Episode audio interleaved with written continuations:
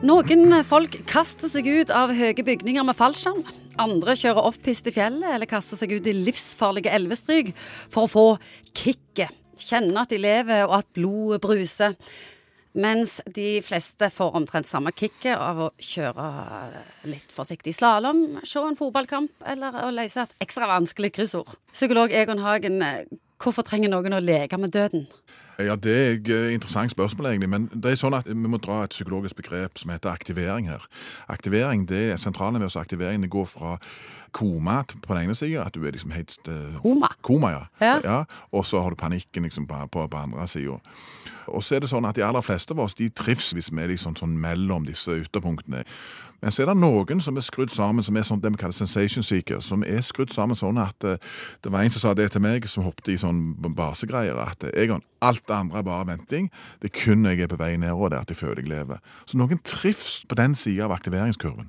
Hvordan har det blitt sånn? Jeg tror de har vært født sånn, og mange kan ha litt sånn, være litt uh, Vi skal ikke sette noen diagnoser på det, men jeg tror dette handler om temperament og personlighet for veldig mange av de. Og så er det selvfølgelig noen som da har utvikla en preferanse for dette. At de gradvis har kjent at liksom, når jeg får såpass mye vind i håret, så kjenner jeg at jeg lever mye sterkere. Jeg er tilbøyelig til å være bitte litt uenig med deg. For jeg syns at eh, når folk driver med sport, der det er ganske stor sjanse for å miste livet, så er det ikke helt på stell, altså. Ja, nei, vi er jo så forskjellige, og noen Så lenge de ikke går ut over andre. Men De gjør ofte ja, det. gjør ofte det. Folk skal hente dem. Og folk som er bekymra for dem. ja, plukker dem ned, ja.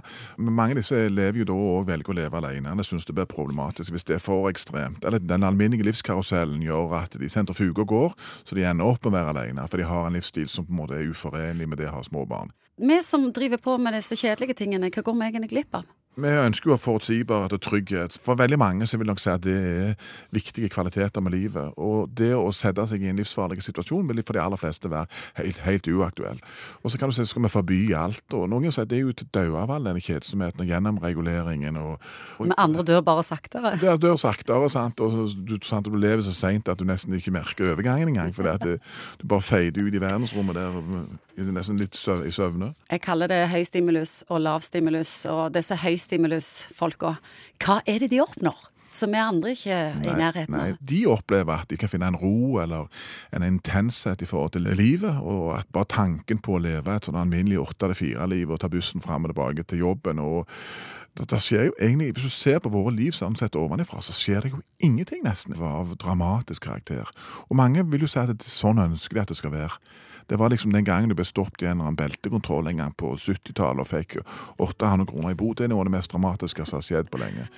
Og så er det noen som er skrudd sammen helt annerledes. Som trenger det der ekstra trøkket i turtelleren for å kjenne at de faktisk lever. Sånn er det, og hver med sitt.